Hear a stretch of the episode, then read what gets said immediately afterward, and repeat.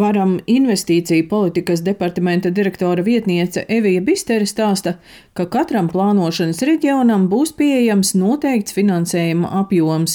Pašvaldību projekti piedalīsies konkursā, un papildus punktus varēs saņemt arī par publiskā objekta atrašanās vietu. Prioritāri tiks atbalstīta publiskās ārtelpas attīstīšana pie mobilitātes punktiem, vietās, kur paredzētas darbības, kas palielina sabiedrības drošību un pie ēkām, kur tiek sniegti valsts vai pašvaldību pakalpojumi, vai kurās tiek veikta uzņēmēja darbība.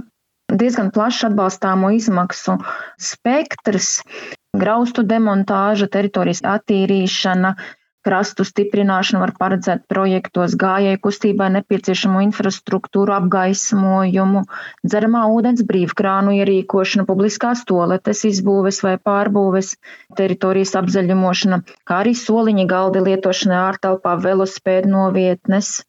Var pašvaldības plānot arī citus ārtelpas labiekārtošanas darbus, tā skaitā arī ar vizuālās mākslas un dizaina objektu iegāde, bet tur ir ierobežojums 10% no projekta izmaksām. Maksimālais pieejamais finansējums vienam projektam būs 800 tūkstoši eiro. Smiltenes pašvaldības attīstības un plānošanas nodaļas vadītāja Ieva Dille stāsta, kā ar ERAF līdzfinansējumu plānots izveidot Smiltenes pilsētas aktīvās atpūtas parku. Mēs plānojam demontēt sliktā stāvoklī šo esošo skateparku un tajā vietā izveidot ilgspējīgu aktīvās infrastruktūras objektu, trasi ar skateparka elementiem, kā arī projekta īstenošanas teritorijā pārplānot Smiltenes bērnu rotaļu laukumu, veidojot modernu un mūsdienīgu rotaļu laukumu iekļaujot arī labierīcības, ūdens brīvkrānu un citus labiekārtojumu elementus. Tādā veidā mēs veidosim kvalitatīvu publisko ārtelpu, kur ģimenes un bērni varēs pavadīt brīvo laiku. Šī programma piedāvā 85% ERA finansējumu no attiecināmām izmaksām. Šobrīd mēs vēl konkrēti nezinām šīs kopējās projekta izmaksas, jo nav izvērsta iepirkuma procedūra, bet Mēs šo līdzfinansējumu vai nu seksim par saviem pašvaldības līdzekļiem, vai arī ņemsim aizņēmumu valsts kasē.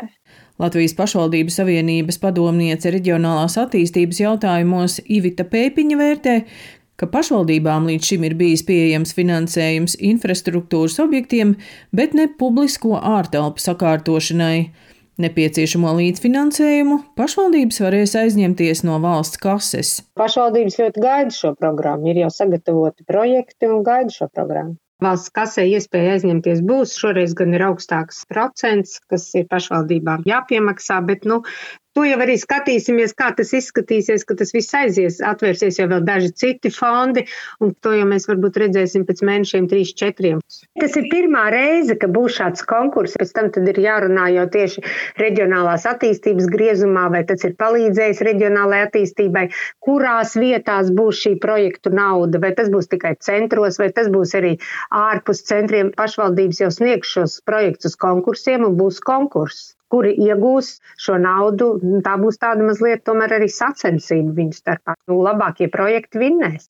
Ministru kabinets pagājušajā nedēļā apstiprināja varam izstrādātos pasākuma publiskās ārtelpas attīstība noteikumus un plānots, ka pašvaldības projektus varēs iesniegt šogad decembrī, bet projekti būs jāīsteno līdz 2026. gada beigām. Daina Zalamane, Latvijas radio.